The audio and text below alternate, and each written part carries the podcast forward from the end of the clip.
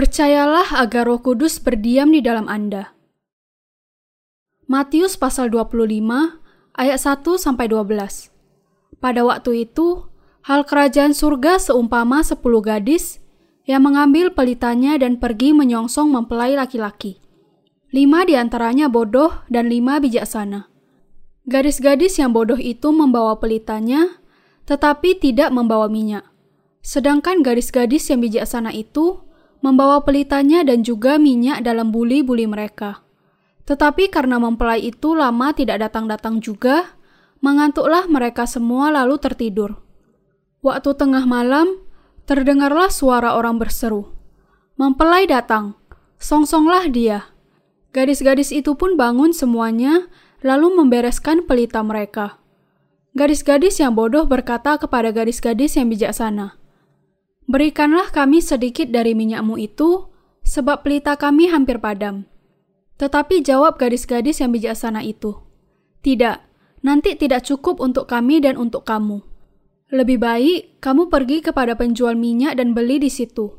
Akan tetapi, waktu mereka sedang pergi untuk membelinya, datanglah mempelai itu dan mereka yang telah siap sedia masuk bersama-sama dengan dia ke ruang perjamuan kawin, lalu pintu ditutup. Kemudian datang juga gadis-gadis yang lain itu dan berkata, Tuan, Tuan, bukakanlah kami pintu. Tetapi ia menjawab, Aku berkata kepadamu, sesungguhnya aku tidak mengenal kamu. Kepada siapakah roh kudus datang? Ia datang kepada mereka yang diampuni dosanya dengan percaya kepada baptisan Yesus dan darahnya. Siapa yang dilambangkan dengan gadis-gadis yang memiliki roh kudus? Di dalam ayat di atas, ada lima gadis yang bijaksana dan lima gadis-gadis yang bodoh. Kelima gadis-gadis yang bodoh meminta kepada kelima gadis-gadis yang bijaksana untuk membagikan sebagian dari minyak mereka. Tetapi gadis-gadis yang bijaksana berkata, "Tidak, nanti tidak cukup untuk kami dan untuk kamu. Lebih baik kamu pergi kepada penjual minyak dan beli di situ." Dan kemudian Ketika kelima gadis-gadis yang bodoh membeli minyak, kelima gadis-gadis yang bijaksana masuk ke pesta perkawinan itu. Lalu bagaimana kita bisa menyiapkan minyak bagi Tuhan? Satu-satunya hal yang perlu kita lakukan adalah menantikan Dia dengan pengampunan dosa di dalam hati kita. Kita bisa menemukan dua jenis iman di antara manusia. Yang pertama, iman di dalam Injil pengampunan dosa. Iman yang ini memimpin seseorang untuk menerima Roh Kudus. Iman yang kedua adalah iman yang setia mengikuti kepercayaan agamanya sendiri, tanpa memperhatikan apakah Tuhan mengampuni dosa seseorang atau tidak. Kepada mereka yang setia kepada kepercayaan agamanya sendiri, Injil yang indah itu nampak berat bagi mereka.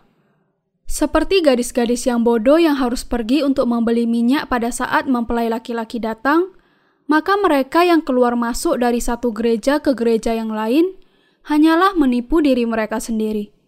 Orang-orang seperti itu tidak mengetahui kenyataan bahwa mereka harus memiliki iman kepada Injil yang indah itu di dalam hati mereka sebelum hari penghakiman tiba. Mereka ingin menerima Roh Kudus dengan cara membuat Allah terkesan kepada semangat mereka. Kita akan melihat pengakuan seorang diaken yang sudah berusaha keras untuk menerima Roh Kudus. Pengakuan ini akan sangat menolong Anda. Saya melakukan segala sesuatu untuk menerima Roh Kudus. Saya berpikir bahwa kalau sungguh-sungguh beriman dan menyerahkan diri, saya bisa menerima Roh Kudus, dan karena itu saya mengikuti persekutuan-persekutuan doa yang diadakan. Beberapa orang di dalam persekutuan doa memainkan piano dan drum sebagai bagian dari ibadah. Pendeta yang memimpin persekutuan doa memanggil mereka yang ingin menerima Roh Kudus satu demi satu, dan pada saat ia menepuk dahi orang itu, orang itu akan mulai berkata-kata dalam bahasa roh. Ia berkeliling membawa mikrofon dan berteriak, "Terima apinya, api, api!" Dan kemudian meletakkan tangannya ke atas kepala seseorang yang membuat beberapa orang terjatuh dan tidak sadarkan diri. Saya memang ragu-ragu apakah hal seperti itu merupakan karya Roh Kudus. Tetapi saya sudah seperti kecanduan kepada ibadah-ibadah seperti itu. Tetapi tetap saja saya belum menerima Roh Kudus. Setelah pengalaman itu, saya pergi ke sebuah bukit dan berusaha berdoa dan menangis sepanjang malam sambil berpegang ke sebuah pohon pinus. Saya pernah juga berdoa di sebuah goa, tetapi itu pun tidak berhasil. Setelah itu, saya melakukan doa sepanjang malam selama 40 hari, tetapi saya tetap tidak bisa menerima Roh Kudus. Lalu suatu hari, saya diundang untuk menghadiri sebuah seminar tentang Roh Kudus. Seminar itu diadakan sekali seminggu selama tujuh minggu. Seminar itu adalah mengenai kasih Allah, salib Yesus, kebangkitan Yesus, penumpangan tangan, buah-buah roh, dan pertumbuhan rohani.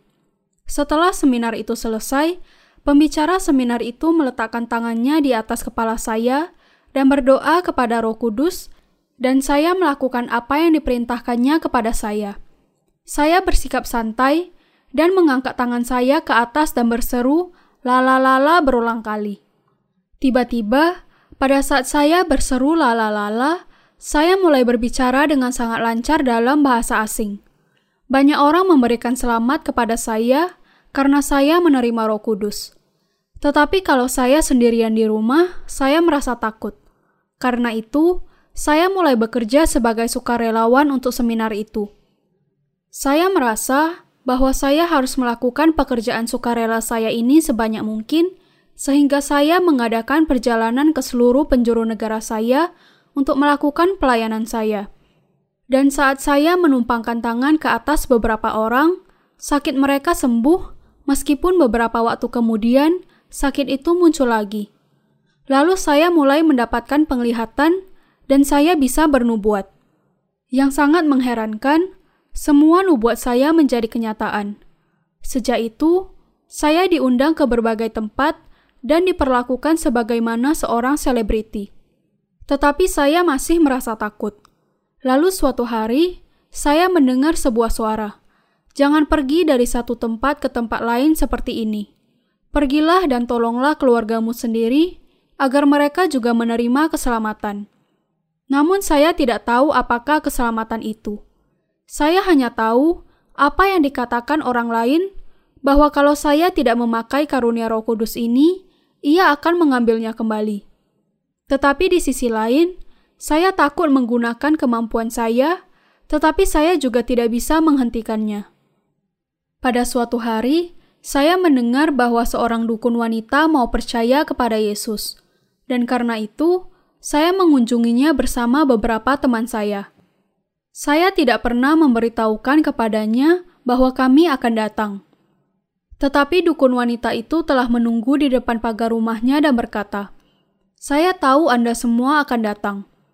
Tiba-tiba, dia menuangkan air kepada kami dan berkata, "Tidak ada bedanya antara perdukunan timur dengan perdukunan barat." Ia memanggil kami sebagai dukun Yesus, lalu ia berkata sambil menunjuk, "Orang ini dipenuhi ketakutan, tetapi yang itu tidak." Apa yang dikatakan dukun itu merupakan suatu pukulan keras kepada saya. Saya mulai berpikir bahwa semua yang saya lakukan selama ini tidak ada bedanya dengan apa yang dilakukan dukun itu. Tidak ada sesuatu pun yang sudah saya lakukan yang membuat Roh Kudus datang, karena saya masih memiliki dosa di dalam hati saya. Dari pengakuan itu, kita belajar bahwa menerima Roh Kudus adalah melampaui kekuatan kita. Karena iman seperti itu tidak didasarkan kepada Alkitab, mereka yang menjalani kehidupan keagamaan demikian tidak memiliki persediaan minyak untuk pelita mereka. Pelita di dalam Alkitab menunjuk kepada gereja dan minyak menunjuk kepada Roh Kudus. Alkitab menuliskan bahwa mereka yang datang ke gereja, baik gereja Allah atau bukan, tanpa menerima Roh Kudus adalah suatu kebodohan belaka. Orang-orang yang bodoh membakar emosi dan tubuh mereka hari demi hari. Orang-orang yang bodoh membakar perasaan mereka bersama dengan tubuh mereka yang dipenuhi semangat itu di hadapan Allah. Kalau bisa dikatakan bahwa panjang emosi kita sekitar 20 cm dan setiap hari kita bakar 1 cm, maka dalam 20 hari semua emosi kita akan terbakar habis. Emosi yang melatar belakangi iman mendapatkan kekuatan baru melalui doa fajar, doa semalaman, doa puasa, dan kebaktian kebangkitan rohani, tetapi pada akhirnya emosi yang terbakar itu akan tetap habis juga. Mereka sangat kecanduan dengan proses pembakaran emosi yang tidak ada habisnya itu. Emosi mereka dibakar di dalam nama Yesus. Mereka datang ke gereja dan membakar emosi mereka, tetapi hati mereka masih merasakan kebingungan dan masih terus mencari-cari. Alasan untuk hal ini adalah karena iman mereka adalah berdasarkan pengalaman tubuh. Karena itu, mereka terus-menerus butuh mendapatkan suntikan untuk perasaan mereka, sehingga api itu tidak akan padam. Namun, mereka tidak akan pernah menerima Roh Kudus melalui iman semacam itu. Membakar emosi tidak akan menolong mereka menerima Roh Kudus. Kita semua harus menyiapkan iman yang tepat untuk menerima Roh Kudus di hadirat Allah. Hanya setelah itu terjadi sajalah kita akan layak menerima Roh Kudus. Bagaimana kita memperoleh iman yang melayakkan kita menerima Roh Kudus? Kebenaran itu terdapat dalam Injil yang indah itu yang digenapkan dengan baptisan Yesus di Sungai Yordan dan pencurahan darahnya di kayu salib. Allah menyebut kita sebagai keturunan ular beludak. Yesaya pasal 1 ayat 4. Kita harus mengakui kebenaran perkataan Allah itu. Manusia memang dilahirkan dengan 12 macam dosa. Markus pasal 7 ayat 21 sampai 23. Manusia akan senantiasa berdosa sejak mereka dilahirkan sampai mereka mati. Dalam Yohanes pasal 1 ayat 6 sampai 7 dikatakan, Datanglah seorang yang diutus Allah namanya Yohanes. Ia datang sebagai saksi untuk memberi kesaksian tentang terang itu, supaya oleh dia semua orang menjadi percaya. Yohanes Pembaptis membaptiskan Yesus, dan menanggungkan segala dosa dunia kepadanya dengan berkata, Lihatlah anak domba Allah yang menghapus dosa dunia. Yohanes pasal 1 ayat 29 Kita diselamatkan dari segala dosa kita karena baptisan Yohanes kepada Yesus Kristus. Kalau Yohanes tidak membaptiskan Yesus dan memproklamirkan dia sebagai anak domba Allah yang menghapus dosa dunia, kita tidak akan pernah tahu bahwa Yesus menghapus segala dosa kita di kayu salib kita juga tidak akan tahu bagaimana caranya menerima Roh Kudus. Tetapi karena kesaksian Yohanes, kita bisa tahu bahwa Yesus menghapus segala dosa kita dan kita bisa menerima Roh Kudus. Dengan iman ini, kita menjadi mempelai wanita yang sudah dipersiapkan secara sempurna untuk menerima Yesus Kristus yang adalah mempelai laki-laki. Kita adalah gadis-gadis yang percaya kepada Yesus sepenuhnya dan siap sepenuhnya untuk menerima Roh Kudus. Apakah Anda percaya kepada Injil air dan Roh dengan sepenuh hati Anda? Apakah Anda percaya bahwa Yesus Kristus menghapus dosa Anda melalui baptisannya oleh Yohanes? Alkitab berkata, "Iman timbul dari pendengaran, dan pendengaran oleh firman Kristus." Roma pasal 10 ayat 17. Kita harus percaya bahwa Yesus dibaptis oleh Yohanes dan mati di kayu salib agar kita bisa menerima Roh Kudus. Kita harus menyadari bahwa menerima Roh Kudus hanya bisa terjadi dengan percaya bahwa Yesus datang ke dunia ini sebagai manusia dan dibaptiskan oleh Yohanes, bahwa ia mati di kayu salib dan dibangkitkan. Bahkan sampai sekarang, ada dua kelompok orang percaya, sama seperti dahulu ada dua golongan gadis. Termasuk dalam golongan manakah Anda? Anda harus menerima Roh Kudus dengan percaya kepada Injil air dan Roh. Apakah Anda rajin ke gereja, tetapi masih menunggu kedatangan Roh Kudus datang kepada Anda? Anda harus tahu jalan yang benar untuk bisa menerima Roh Kudus. Dengan kepercayaan yang bagaimana kita bisa menerima Roh Kudus? Bisakah Anda menerima Roh Kudus melalui semangat yang sangat antusias seperti perdukunan? Bisakah Anda menerima Roh Kudus dalam keadaan tidak sadar? Bisakah Anda menerima Roh Kudus dengan fanatisme keagamaan? Apakah Anda masih berdoa meminta pengampunan dosa kepada Allah dengan tidak henti-hentinya? Alkitab berkata bahwa pada saat Yesus dibaptis dan keluar dari air, Roh Allah turun dalam rupa burung merpati. Ia dibaptiskan untuk menanggung segala dosa kita dan untuk menjelaskan kepada kita bahwa ia akan disalibkan untuk membayar hutang segala pelanggaran kita. Yesus dibaptiskan oleh Yohanes untuk menanggung dosa dunia dan naik ke kayu salib agar kita bisa diselamatkan dan menerima Roh Kudus. Inilah kebenaran itu. Yesus dibaptis oleh Yohanes, dihakimi atas segala dosa kita di kayu salib, dan kemudian dibangkitkan. Kita harus percaya kepada baptisan Yesus dan darahnya di kayu salib untuk menerima pengampunan dosa.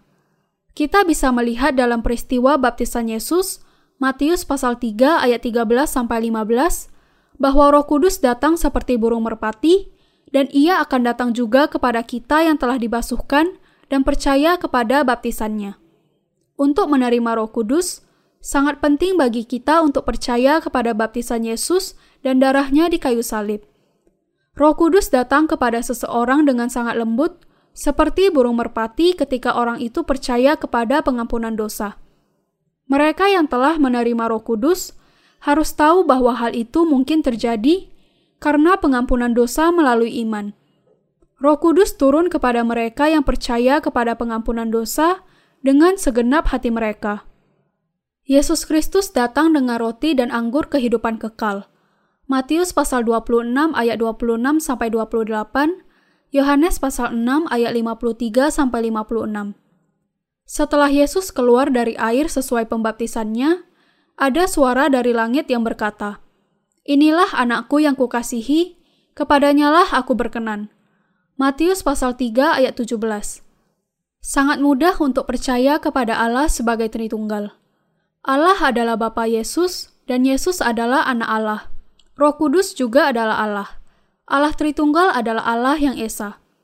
Anda harus tahu bahwa Anda tidak akan pernah meminta Roh Kudus dengan hanya percaya kepada salibnya atau dengan berusaha menyucikan diri dengan perbuatan-perbuatan daging. Anda bisa menerima Roh Kudus hanya kalau Anda percaya kepada Yohanes membaptiskan Yesus untuk menanggungkan segala dosa kita kepadanya, dan bahwa ia disalibkan untuk memperdamaikan segala dosa kita. Betapa jelas dan sederhananya kebenaran ini.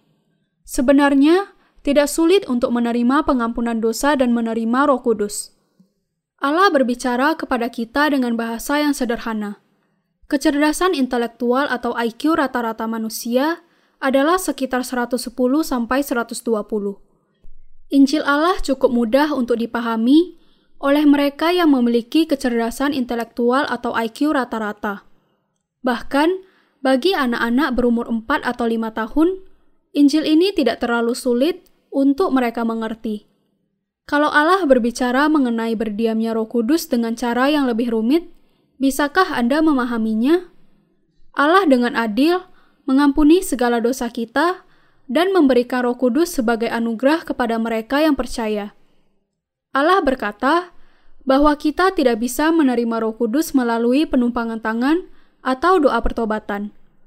Roh Kudus tidak datang sebagai hasil dari puasa atau penyerahan, atau bahkan doa semalaman di puncak gunung sekalipun. Iman apa yang membuat Roh Kudus berdiam di dalam kita? Yaitu iman kepada kenyataan bahwa Yesus datang ke dunia ini, dibaptis untuk menanggung segala dosa kita, mati di kayu salib, dan dibangkitkan. Apakah kita memang perlu percaya kepada hal ini? Mengapa kita harus menerima pengampunan dosa dan kemudian menerima Roh Kudus? Untuk menjadi warga kerajaan Allah, kita membutuhkan Roh Kudus. Dan untuk menerima Roh Kudus, kita perlu percaya kepada Yesus sebagai juru selamat kita, percaya kepada baptisan Yesus dan darahnya, dan akhirnya kita harus mendapatkan pengampunan dosa. Mengapa Allah memberikan Roh Kudus kepada mereka yang telah diampuni dosanya? Alasannya adalah untuk memateraikan keberadaan mereka sebagai umatnya. Untuk memateraikan mereka yang telah percaya, didasari kepada firman Allah, lalu ia memberikan roh kudus sebagai jaminan. Banyak orang menjaga iman mereka yang sebenarnya keliru. Sebenarnya, sangat mudah untuk percaya kepada baptisan Yesus dan menerima roh kudus. Sangat mudah bagi kita yang sudah menerima roh kudus tetapi sangat tidak mungkin bagi mereka yang belum menerima pengampunan dosa. Mereka tidak tahu kebenaran dan justru mencari cara-cara lain untuk menerima Roh Kudus, seperti memasukkan diri mereka ke dalam tindakan-tindakan keagamaan yang tidak lazim melalui kefanatikan mereka. Mereka tidak memiliki pengetahuan dan kemudian terjebak ke dalam kebingungan oleh benih yang ditabur iblis dan kemudian terjebak ke dalam pengaruh agama takayul. Roh Kudus berdiam di dalam mereka yang sudah percaya kepada baptisan Yesus dan darahnya di kayu salib dan yang sudah menerima pengampunan dosa. Hanya mereka yang telah percaya kepada keselamatan Allah yang bisa berkata, Aku tidak memiliki dosa. Kalau seseorang tidak percaya kepada Injil air dan roh, mereka tidak bisa berkata bahwa mereka tidak memiliki dosa. Demikian juga, Allah sudah memberikan Roh Kudus sebagai anugerah kepada anak-anaknya yang telah percaya kepada baptisan Yesus dan darahnya di kayu salib dan menerima pengampunan dosa. Siapa yang memberi kesaksian bahwa baptisan Yesus menghapus dosa kita? Yesus, murid-murid Yesus, dan Roh Kudus memberi kesaksian akan hal itu. Siapa yang merencanakan untuk menyelamatkan manusia dari segala dosa mereka? Allah Bapa. Siapa yang melaksanakan rencana itu? Yesus Kristus. Siapa yang menjamin bahwa rencana itu akan terlaksana dengan baik? Roh Kudus. Allah mau menjadikan kita sebagai umatnya, dan karena itu memutuskan untuk menyelamatkan kita dari dosa-dosa kita melalui baptisan Yesus dan darahnya. Jadi, Allah Tritunggal menjamin keselamatan sempurna kita dan menyetujui pengampunan dosa-dosa kita. Dalam Matius pasal 3 ayat 17 tertulis, Inilah anakku yang kukasihi, kepadanyalah aku berkenan. Mereka yang memiliki roh kudus adalah umat Allah. Mereka adalah anak-anak Allah. Inilah anakku yang kukasihi, kepadanyalah aku berkenan. Yesus sebenarnya adalah Allah yang sejati. Allah Bapa berkata kepada kita, "Kalau engkau mau menerima pengampunan dosa, Percayalah bahwa dosa semua manusia sudah dihapuskan untuk selama-lamanya oleh Yesus, anak tunggalku. Terimalah roh kudus dan menjadi anak-anak Allah. Mereka yang percaya kepada hal itu menerima pengampunan dosa dan menjadi anak-anak Allah. Ia mengaruniakan roh kudus kepada mereka untuk mematraikan mereka sebagai anak Allah. Kita menerima pengampunan dosa hanya setelah kita percaya kepada baptisan Yesus dan juga kepada darahnya. Kalau seseorang tidak menguji hati mereka dan tidak percaya kepada Injil pengampunan, mereka cenderung untuk percaya bahwa dosa asal mereka sudah lenyap. Tetapi mereka tetap harus berdoa pertobatan dengan tidak henti-hentinya untuk mendapatkan pengampunan dari dosa asal mereka. Kalau mereka jatuh ke dalam pemikiran yang demikian, maka Alkitab menjadi sesuatu yang tidak bisa mereka mengerti dan membingungkan mereka. Dengan demikian, mereka memiliki kepercayaan yang berbeda dengan yang dimiliki murid-murid Yesus. Beberapa orang berkata bahwa Roh Kudus datang kepada mereka melalui doa-doa, tetapi hal itu tidak tepat seperti yang tertulis di dalam Alkitab. Mungkin agak aneh kedengarannya, tetapi Alkitab berkata bahwa pada saat Yesus keluar dari air setelah pembaptisannya oleh Yohanes, Roh Kudus datang kepadanya dalam rupa seekor burung merpati. Hal itu membuktikan bahwa kalau kita berharap untuk menerima Roh Kudus, kita hanya harus percaya bahwa Yesus datang ke dunia ini, dibaptis oleh Yohanes untuk menanggung segala dosa dunia, dihakimi di kayu salib, dan kemudian dibangkitkan untuk menjadi juru selamat kita. Apa yang dikatakan Allah kepada kita pada waktu kita percaya kepada kebenaran ini dan menerima Roh Kudus? Ia berkata, Engkau anakku, inilah anakku, kepadanyalah aku berkenan.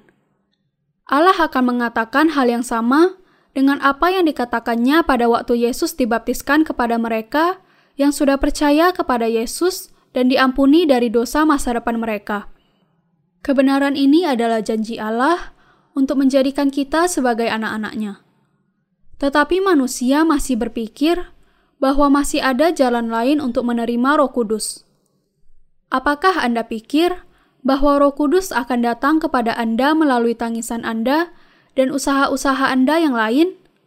Pekerjaan Allah diatur hanya oleh kehendaknya, dan Ia memberikan Roh Kudus hanya kepada mereka yang menerima pengampunan dosa. Ia berkata, "Anakku dibaptiskan agar ia bisa menanggung dosa-dosamu, dan ia disalibkan sebagai penghakiman atas dosa-dosa itu." Aku menetapkan Yesus sebagai juru selamatmu.